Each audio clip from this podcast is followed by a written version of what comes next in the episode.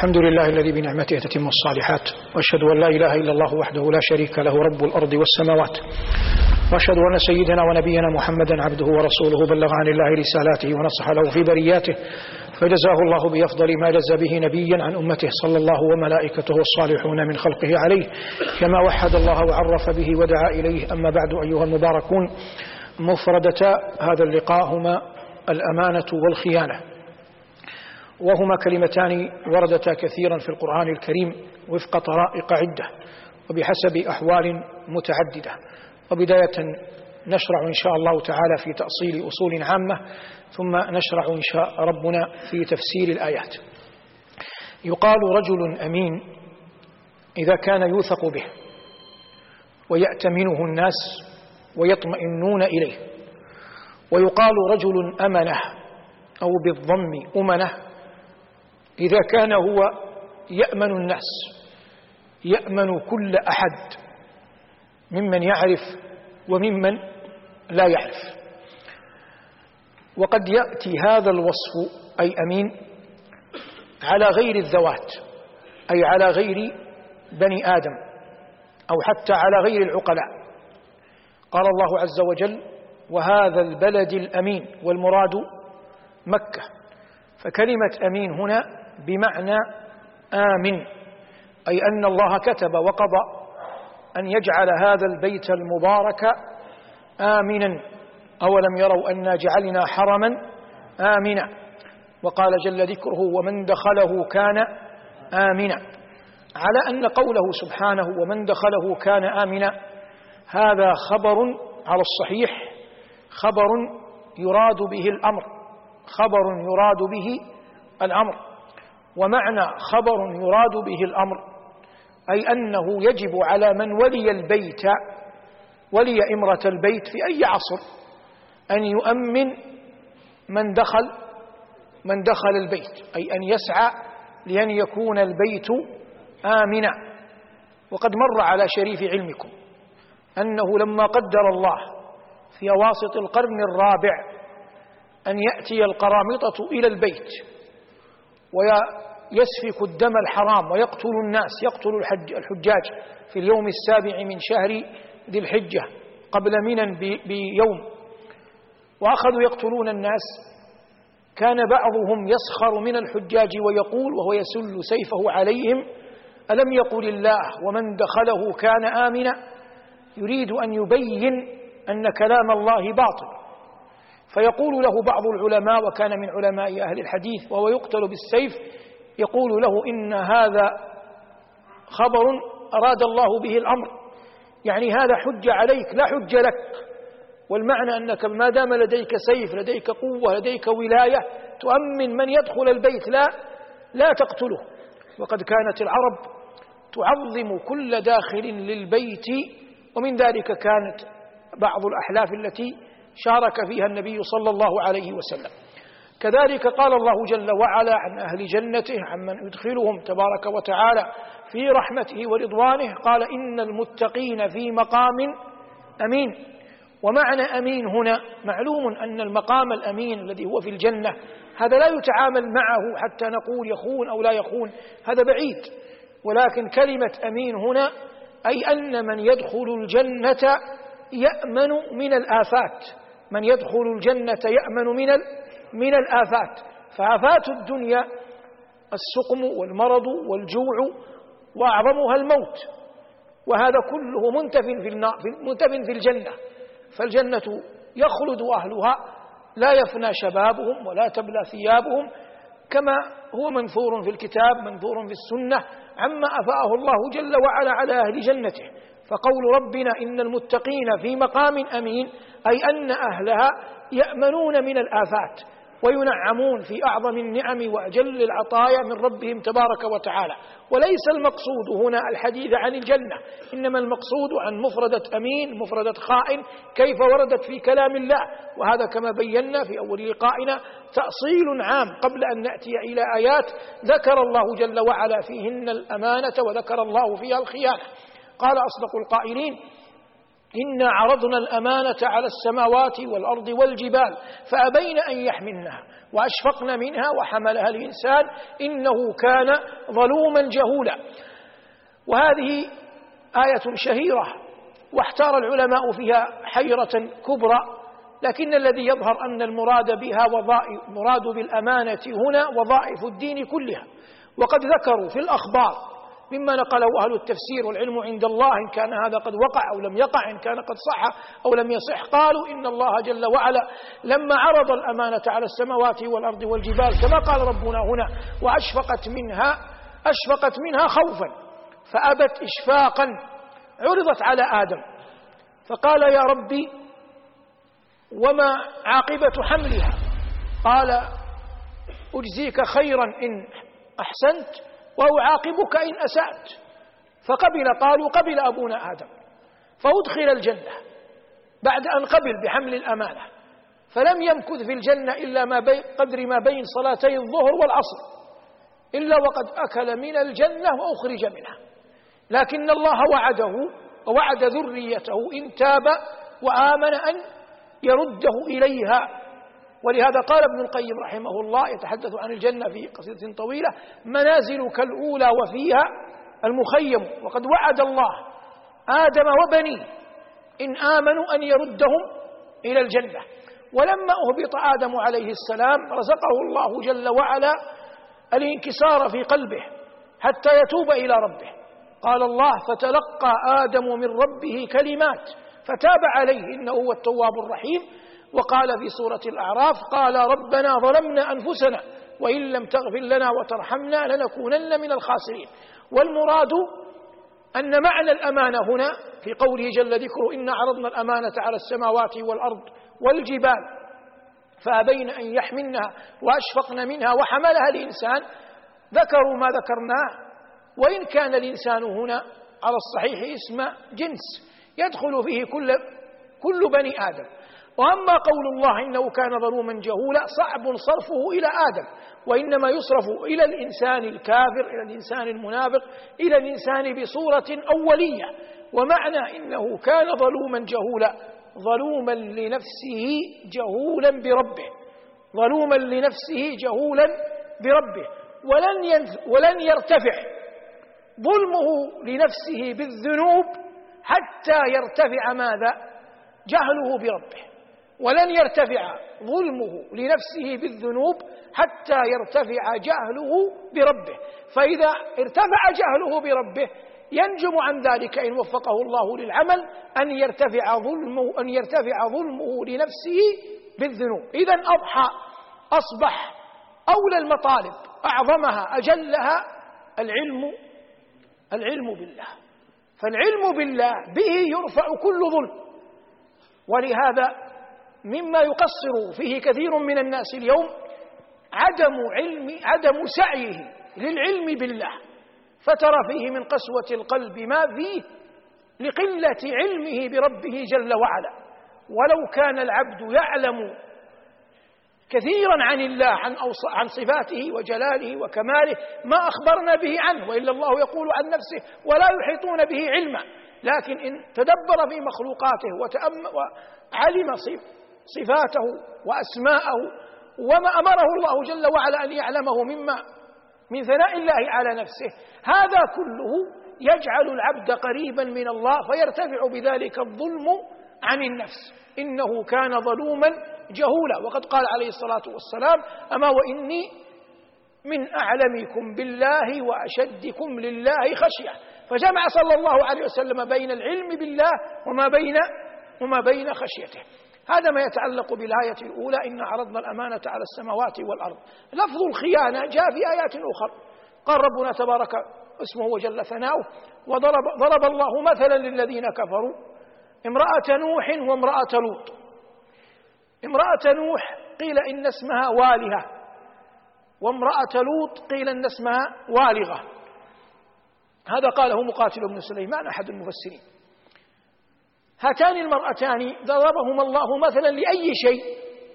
ضربهما الله مثلا لأن صلاح غيرك لا ينفعك مع معصيتك.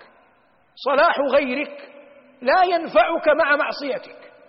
فهاتان المرأتان كانتا زوجتين لنبيين كريمين. الله يقول عنهما كانتا تحت عبدين من عبادنا صالحين. ماذا وقع منهما؟ قال الله فخانتاهما. ما معنى فخانتاهما؟ أصلا ما معنى الخيانة؟ معنى الخيانة هو الإخلال بالعهد في السر. الإخلال بالعهد في السر وهذا يندرج في باب المعاملات. فإن كان في العقائد فهو نفاق. فإن كان في العقائد فهو فهو نفاق. قال الله عز وجل كانتا تحت عبدين من عبادنا صالحين فخانتاهما. كيف خانتاهما محال؟ كما قال ابن عباس رضوان الله تعالى عليهما ما زنت امرأة نبي قط. الله ينزه فراش أنبيائه عن مثل هذا. لكن الخيانة وقعت في الأشياء التي تسر لأن قلنا إن الخيانة نقض العهد في السر. فكانت امرأة نوح تخبر الناس سرا أن هذا النبي أي نبيها أي, أي زوجها نوحا تزعم هي أنه مجنون. فيصدقها الناس فيرجعون عنه ويفيئون ويفيئون ولا يقبلون دعوته. وأما امرأة لوط فكانت تعلم ما طبع عليه قومها من الأذى والشر. فكانت إذا أقبل عليه الضياف الضيفان في الليل أوقدت نارا. فيعلمون أن ضيفا ما جاء إلى لوط. وإذا كان في النهار لا توقد نارا لأن النهار لا, النار لا تظهر في النهار. وإنما تدخنه. فتجعل الدخان يخرج من الدار فيعلم قومها وهي تخون زوجها بمعنى أنها تسر إلى قومها ما, ما يريدون من غير أن تتحدث.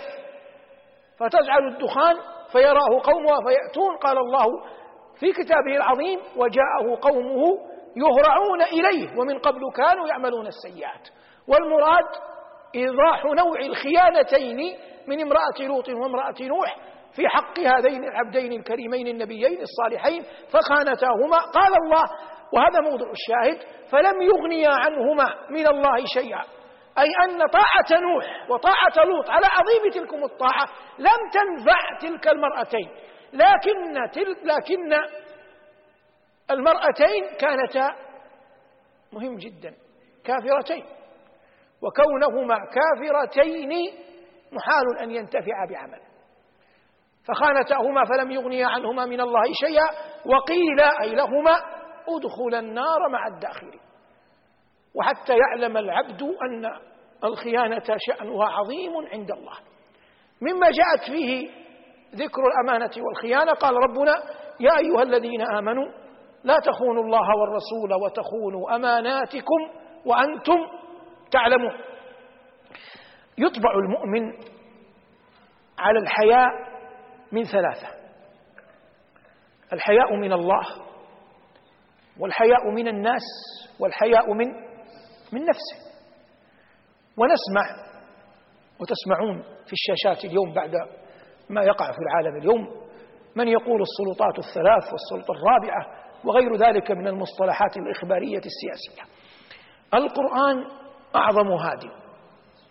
إذا أراد العبد أن ينجو يرزق الحياة من الله والحياة من الناس والحياة من من نفسه. جمع الله هذه الثلاث في هذه الآية.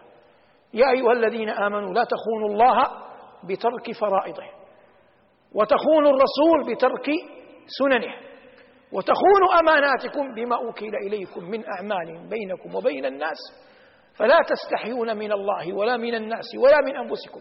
لأن قول الله وتخونوا الرسول لا تخونوا الله والرسول فالرسول يمثل الإمام الأكبر في زمنه. وهو عليه الصلاة والسلام هنا كنية عن الناس جميعا. وكذلك يقال في حق غيره ممن جاء بعده. فالإنسان إذا رزق الحياء من الله الحياء من الناس الحياء من الله ولهذا تجد الشرفاء العظماء إذا تحدثوا هم أنفسهم يعرفون أنفسهم. وقد مر معكم أن أحد الكرماء أظنه عبيد الله بن عبد الله بن جعفر مر على امرأة في في سفر له فأكرمته وذبحت له شاة وهي لا تعرفه على أنه عابر على أنه عابر سبيل فلما فرغ أراد أن يكرمها فأعطاها مالا وفيرا فقال له بعض خواصه ممن كان معه لو أعطيتها أقل من ذلك لرضيت بك فإنها لا تعرفك. قال إن لم تكن تعرفني إن لم تكن تعرفني فأنا أعرف نفسي. أنا أعطيتها لأنني فلان ابن فلان. لا لأنها تعرفني أو لا أو لا تعرفني ولا أريدها أن تعرفني. وإن من أصعب أحوال المرء أن يخون نفسه. قال الله جل وعلا يا أيها الذين آمنوا لا تخونوا الله والرسول وتخونوا أماناتكم وأنتم تعلمون. أما ما يتعلق بسبب نزولها فقد قال بعض أهل العلم وعليه جماهير أهل العلم من المفسرين قالوا إن النبي صلى الله عليه وسلم بعث الصحابي الجليل أبا لبابة إلى بني قريظة من اليهود يخبرهم أنهم لا بد أن ينزلوا أن ينزلوا على حكم رسول الله صلى الله عليه وسلم. فذهب أبو لبابة سفيرا من رسول الله عليه الصلاة والسلام إلى يهود بني قريظة فخطبوه وكلموه واخبرهم بما بالرسالة التي أمره النبي أن يبلغها إياهم. فقالوا له ما تشير علينا يا أبا لبابة؟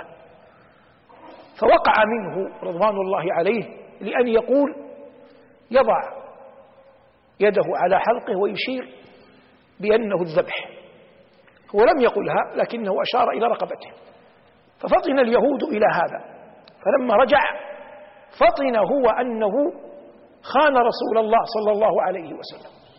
فأقبل إلى المسجد وأتى إلى سارية من سواريه وربط نفسه في السارية وأقسم ألا يطعم حتى يتوب الله عليه. فتاب الله عليه بعد ليال. أصابه الجهد ما أصابه فتاب الله عليه فجاء الناس يهنئونه ويريدون أن يحلوا وثاقه. فقال لا والله لا يحله إلا رسول الله صلى الله عليه وسلم. فقدم النبي صلى الله عليه وسلم وحل ذلكم الوثاق ذلكم الوثاق. من هنا قال العلماء إن هذه الآية نزلت بسبب ذلك. لكن القاعدة تقول إن العبرة بعموم اللفظ لا بخصوص لا بخصوص السبب. فحل وثاقه رضوان الله تعالى عليه وخرج. والسواري المراد سواري أي مسجد؟ مسجد رسول الله صلى الله عليه وسلم. وهذا المسجد باقية تلك السواري أي أمكنتها لا عينها باقية إلى اليوم. وعلى كل سارية في الروضة الشريفة مكتوب علاقة تلك السارية بسيرة نبينا صلى الله عليه وسلم. فهذه السارية التي ربط فيها أبو لبابة نفسه تسمى سارية التوبة تسمى سارية التوبة والمكان كله يسمى الروضة. قال عليه الصلاة والسلام ما بين بيتي ومنبري روضة من رياض الجنة. وقال حسان بطيبة رسم للنبي ومعهد منير وهل تعفو الرسوم وتهمد بها حجرات؟ كان ينزل وسطها من الله نور يستضاء ويوقد.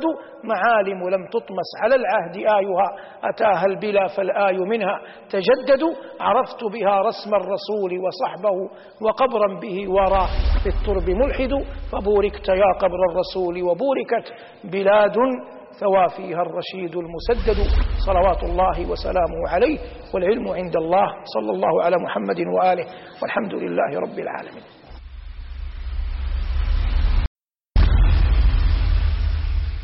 الحمد لله على فضله والصلاة والسلام على أشرف رسله وخير خلقه وبعد. أيها المباركون نستأنف معكم في دروسنا في هذا الجامع المبارك جامع القاضي مدينة الرياض. دروسنا في التفسير وكنا قد تحدثنا في اللقاء الماضي عن الأمانة والخيانة في كتاب الله وقلنا إن هاتين المفردتين سنعرج على الحديث عنهما. تكلمنا تفصيلا وتأصيلا ثم تكلمنا بعد ذلك عن بعض آيات ورد فيهما هذا اللفظ وهذا إتمام لما سبق وإلحاق لما تقدم. قال الله عز وجل في سورة النساء إن أنزلنا إليك الكتاب بالحق لتحكم بين الناس بما أراك الله ولا تكن للخائنين خصيما. الآية فيها من الأدلة على شريف المقام وعلو المنزلة لرسولنا صلى الله عليه وسلم لأن الله قال له لتحكم بين الناس بما أراك الله وقال له قبل ممتنا عليه إن أنزلنا إليك صلوات الله وسلامه عليه. ثم قال له ولا تكن ولا هذه ناهية أو نافية؟ ناهية. ولا تكن للخائنين والخائنون جمع خائن خصيمة خصيم على وزن فعيل والمراد بها اسم فاعل والمعنى لا تدافع عن من؟ عن الخائنين. ما المعنى؟ لا تدافع عن الخائنين لا تجادل عنهم. وسيأتي الفائدة من هذا بعد ذلك بعد بيان معنى الآية. في زمن النبوة المدينة كانت تعج بكثير من الخلق. منهم اليهود منهم المنافقون منهم المهاجرون والأنصار وهم السواد الأعظم. وكان من اليهود بعضهم مسلم بعضهم مسلمين. كان هناك بيت دار أسرة يقال لهم بنو أبيرق وكانوا أقرب إلى النفاق. فقام رجل منهم فسرق من بيت رجل من الأنصار يقال له رفاعة. فلما سرق جاء رفاعة رضي الله عنه وابن أخ له يقال له قتادة إلى النبي صلى الله عليه وسلم. وقد تبين لهما أي لرفاعة وقتادة أن السراق من بني من بني أبيرق. وأخبر النبي صلى الله عليه وسلم فجاء أحد من بينه وبين بني أبيرق قرابة يقال له, يقال له أسير ابن عروة. جاء إلى النبي صلى الله عليه وسلم يدافع ويبرئ ساحة بني أبيرق ويقول يا رسول الله عمدوا إلى أهل بيت صالح فرموهم بالسرقة من غير بينة. وكأن هذا أسير بن عروة أعطي فصاحة أعطي بلاغة أعطي قولا أعطي حجة فأظهر بني أبيرق كأنهم بريئون.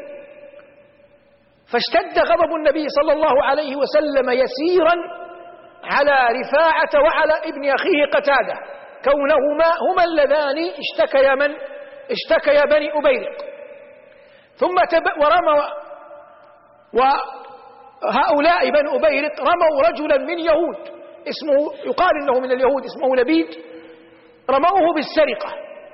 فأنزل الله جل وعلا هذا هذه الآية يبرئ فيها لبيدا رغم في إحدى الروايات أنه ماذا؟ أنه يهودي. ويبقي فيها التهمة على بني أبيرق ويخبر النبي صلى الله عليه وسلم أنه ما كان له أن يدافع عن بني أبيرق ويخاصم ويجادل عنهم لكن النبي لا يعتبر هنا قطعا أنه ارتكب معصية. لأنه حكم بما بما ظهر له. فرفاعة وقتادة لم يأتيا ببينة. وأسيرا دافع عنهما بإظهار شيء من الحجج التي ظاهرها البيان. ونبي الله صلى الله عليه وسلم بشر يسمع ويحكم على الظاهر حتى يأتيه ماذا؟ حتى يأتيه القرآن. فلما يأتيه القرآن ينقطع كل قول. فقال له ربه ولا تكن للخائنين خصيما ثم قال له واستغفر الله إن الله كان غفورا رحيما. قلنا في دروس سلفت فقول الله هنا واستغفر الله يخاطب نبيه ليس المراد أنه صلى الله عليه وسلم تلبس بكبيرة ولا ولا صغيرة. قلنا هذا منتف عنه صلوات الله وسلامه عليه. ولكن المراد بيان أنه فعل خلاف الأولى صلوات الله وسلامه عليه. ظاهر هذا يستنبط فقهيا. عرف في الأزمنة المتأخرة المعاصرة ما يعرف بنظام المحاماة والمرافعة. من الآية يستنبط أنه لا يجوز لأحد أن يدافع أو يرافع إلا عمن يثبت لديه أنه على على حق. من لم يثبت لديك أنه على حق لا يجوز أن تدافع عنه ولا يجوز أن ترافع عنه. والله يقول هنا لخير خلقه وصفوة رسله ولا تكن للخائنين خصيما. وهذا حتى في أحوال الناس العادية في غدوهم ورواحهم. لا يجوز لأحد أن يعني يتحمل أو يقول لها في الكلام العرفي يعني يتكلف شيئا يعلم أنه باطل. تغلبه يغلبه حب النسب حب القرابة حب الجيرة هذه لها حقوق. لكن لا يحملك تحملك قرابتك لا يحملك جارك لا يحملك زميلك على أن تحمل راية من رايات الباطل وتقول له حق الجوار له حق الصحبة له حق القرابة. هذا يصح إن كان على حق.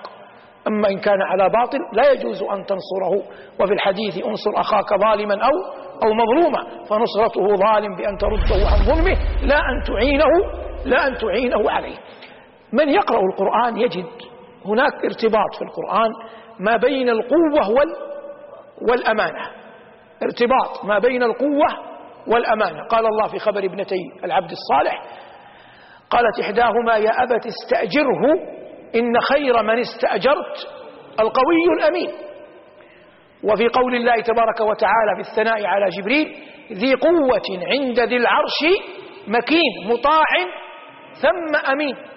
فأخبر الله جل وعلا بقوة جبريل وبأمانته. وهذا كما قلنا يدل على أنه هناك ارتباط ما بين القوة والأمانة في كلام الله. والقوة يقابلها ماذا؟ يقابلها الضعف القوة يقابلها الضعف. وإن كنا نتكلم عن الأمانة والخيانة لكن هذا استطراد لا ضير فيه. والضعف يأتي على أشياء. يأتي الضعف على أشياء. يأتي الضعف في العقل. الله يقول فإن كان الذي عليه الحق سفيها أو أو ضعيفا أي في عقله. ويأتي الضعف في البدن. الله الذي خلقكم من من ضعف ثم جعل من بعد ضعف قوة ثم جعل من بعد قوة ضعفا. وشيبة. فهذا ضعف في ماذا؟ في البدن. كما أن القوة تأتي في البدن وتأتي في القلب تأتي في البدن وتأتي في القلب. فأما إتيانها في البدن دل عليه القرآن في قول الله حكاية عن قوم عاد قالوا من أشد منا قوة؟ وعاد هنا تتكلم عن ماذا؟ عن قوة أبدانها. وتأتي القوة في القلب. قال الله عز وجل يا يحيى خذ الكتاب بقوة. ومعلوم أن رفع الكتاب باليد لا يحتاج إلى قوة. لكن ليس المراد قوة قوة البدن قوة اليد وإنما المراد قوة قوة القلب في الأخذ بأوامر الله وترك نواهيه مع محبة الله تبارك وتعالى. يقابله الضعف كما قلنا والله جل وعلا يقول إن كيد الشيطان كان ضعيفا. متى يكون كيد الشيطان ضعيفا؟ إذا كان طبعا هذه الأشياء يدخلها الإضافة والنسبة لكن إذا كان المقابل ولي من أولياء الله. هنا يضعف كيد الشيطان وينتهي إلى الوسوسة. يضعف وينتهي إلى الوسوسة.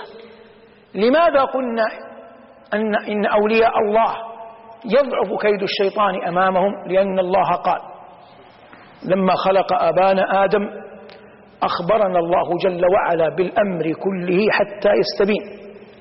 قال أسجد لمن خلقت طينا. قال أرأيتك هذا الذي كرمت علي لئن أخرتني إلى يوم القيامة. لا أحتنكن ذريته إلا قليلا. قال اذهب فمن تبعك منهم فإن جهنم جزاؤكم جزاء موفورا واستفزز من استطعت منهم بصوتك وأجلب عليهم بخيلك ورجلك وشاركهم في الأموال والأولاد وعدهم وما يعدهم الشيطان إلا غرورا ثم قال أحكم الحاكمين إن عبادي ليس لك عليهم سلطان وكفى بربك وكيلا فالله أخبر أن عباده المقربين وأولياءه الصالحين وإماءه المتقيات المؤمنات الحافظات للغيب بما حفظ الله فعبادي يدخل فيها الرجال والنساء الذكران والإناث ربنا يقول لإبليس إن عبادي ليس لك عليهم سلطان وينتهي كيد الشيطان معهم إلى الوسوسة لكن لا يمكن أن يخرجه يخرجهم من الملة أو يوقعهم في أمر يكون سببا في وبالهم ونكالهم وخسرانهم في الآخرة لأن الله قال وقوله الحق إن عبادي ليس لك عليهم سلطان وكفى بربك وكيلا. تنجم من هذا فائدة أن الإنسان يتعلق بالله ويفرح ويفخر بشرف العبودية. فإذا فرح العبد وفخر بشرف العبودية جعله الله جل وعلا في هذا الركب المبارك الذي حفظه الله تبارك اسمه وجل ثناؤه من كيد الشيطان. يوم أن قال الله عن كيد الشيطان إن كيد الشيطان كان كان ضعيفا. وأولياء الله جعلني الله وإياكم منهم. والله قد يأتيهم من قد يأتيهم من يأتيهم من أهل الشر ويقربونه لهم ويدنونهم منه حتى لا يكون بينهم وبين أن يأتوا الكبيرة إلا ثانية من زمن. فتجد الله لكرامة هؤلاء عنده ينجيهم منه من غير أن يشعروا لسريرة سبقت وطوية سلفت لهم في قلوبهم مع الله من يخرج من بيته. وقد وطن نفسه أن يريد رضوان الله ومحبته ولم يبيت في قلبه أو يضمر أن يعصي الله فيخرج. فيأتيه صديق صاحب زميل فيسلك معه. فإذا أتى إلى ما أراده الزميل أو المعصية من المحرم ولنقل فاحشة الزنا. فإن دنا وقرب ما أضمره من حسن الطوية يحفظه الله جل وعلا به. والله قد يصل أحيانا لأن يموت أحدهما أي الصاحب أو المرأة قبل أن يصنع هذا الفاحشة. لكرامة هذا العبد على على الله. هو لم يصنع شيئا يدفع عن نفسه الفاحشة. لكنه قبل أن يخرج من بيته لم تكن عنده في قلبه نية سيئة أن يعصي الله. خلاصة الأمر حتى تفقه. أنت إذا أمسيت أمسي على نية صالحة. وإذا أصبحت أصبح على نية صالحة. فليكن الله في قلبك أجل من أن تتركه من أجل أحد. مع علمك بأمرين. الأول أن الله غني عنك وعن طاعتك. والأمر الآخر ينجم عنه أمران. الأول أنك تعلم أنك لن تطيعه إلا بفضله. ولن تحجم عن المعصية إلا بحوله. فهو الذي يعينك على أن تترك ما نهى عنه ويعينك على أن تأتي ما أمرك به. إن العبد إذا أقبل على الله بحق فالله يعلم سريرته ولا يحتاج ربنا مثل المخلوقين. نبين لهم نكشف نحلف نقسم. نصر. نأتي بأدلة نأتي ببراهين. الله يقول ألا يعلم من خلق؟ وهو اللطيف الخبير. فالله يعلم من طوى عليه القلب ينطوي من. يعلم من طوت عليه السريرة يعلم, يعلم ما أضمر ما أضمره الفؤاد. فيخرج العبد. المهم حتى يرد كيد الشيطان حتى يغلب حتى تحفظ. حتى يختم لك بخير. إن أمسيت أمسي على نية صالحة وإن أصبحت أصبح على نية صالحة. واجعل الله أجل وأعظم في قلبك من أن تخرج وأنت قد بيت معصيته. من يخرج أعوذ بالله. وقد بيت أن يعصي الله. هل يأمن مثل هذا أن يميته الله على المعصية ويراه الخلق كلهم؟ قطعا لا يأمن لكن ما الذي جعل هذا لا يقع في الناس؟ إلا قليلا حلم الله لطفه رحمته. وإلا لولا لطفه لولا رحمته لولا ستره لولا عفوه لولا مغفرته لهلك الخلق. والله يقول لما ترك عليها من دابة لكن لطفه وستره. ولهذا لما قرأ أحد الصالحين قول الله جل وعلا يا أيها الإنسان ما غرك بربك الكريم؟ قال إن سألني ربي ما غرك بربك الكريم؟ أقول غرتني ستورك المرخاه أي ستر الله على العبد يغره وستر الله رحمة لكن ينبغي للعبد أن يعلم أن الله قد يستر على العبد مرة مرتين فإذا غلب. على العبد الران وأصبح حب المعصية متأصل في قلبه؟ يريدها ويخرج. الله لا يكتبها لنا وعليكم يخرج من بيته وهو يعزم على أن يعصي الله. فمثل هذا عياذا بالله إلى الهلاك يقرب. إن لم يدركه رحمة الله. أما من يخرج من بيته وقد أجل الله في قلبه يخرج يقرأ الأذكار في الطريق يسبح يكثر من قول لا حول ولا قوة إلا بالله يكثر من قول لا إله إلا أنت سبحانك إني كنت من الظالمين. في سيارته في خطواته يقول ربنا آتنا في الدنيا حسنة وفي الآخرة حسنة وقنا عذاب النار. ومثال ذلك من الهيات من الأذكار التي يظهر فيها العبد ضعفه وعجزه انكساره حبه لله خوفه من الله طمعه في رحمته أمله في, في فضله. كل ذلك به يحفظ الله العبد. فإن دنت الشهوة غلب الفجور أقبل الصاحب تزينت المعصية جاء فضل الله جاء رحمته جاءت مغفرته جاء حوله جاء ستره. فتداركت العبد ونجته مما هو فيه. وتأمل قول الله. عن يونس قال ولا تكن كصاحب الحوت. إذ نادى وهو مكظوم ثم قال لولا أن تداركه نعمة من ربه. فيونس لم ينجو بفضل نفسه لكن نجا بأن الله قال في حقه لولا أن تداركه نعمة من ربه. فالإنسان يخرج وهو يسأل الله أن تتداركه نعمة الله. حتى لا يقع فيما حرمه الله حتى لا يقع في الهلاك لا يقع في الثبور, في الثبور وهذا كله حول قول الله إن كيد الشيطان كان ضعيفا.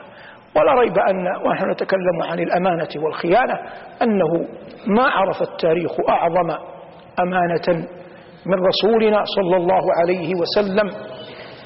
وقد قال عليه السلام لما قال له الأعرابي ذلك كلمات أساء فيها الأدب وأغلظ فيها القول قال ألا تأمنونني وأنا أمين من في السماء؟ وقد مر معك في القرآن كثيرا أن رسول الله يخبرون أممهم بأنهم نصحاء أمناء يريدون لهم الخير ويرجون لهم الثواب. جعلني الله وإياكم ممن يستمع القول فيتبع أحسنه والعلم عند الله وصلى الله على محمد وآله والحمد لله رب العالمين.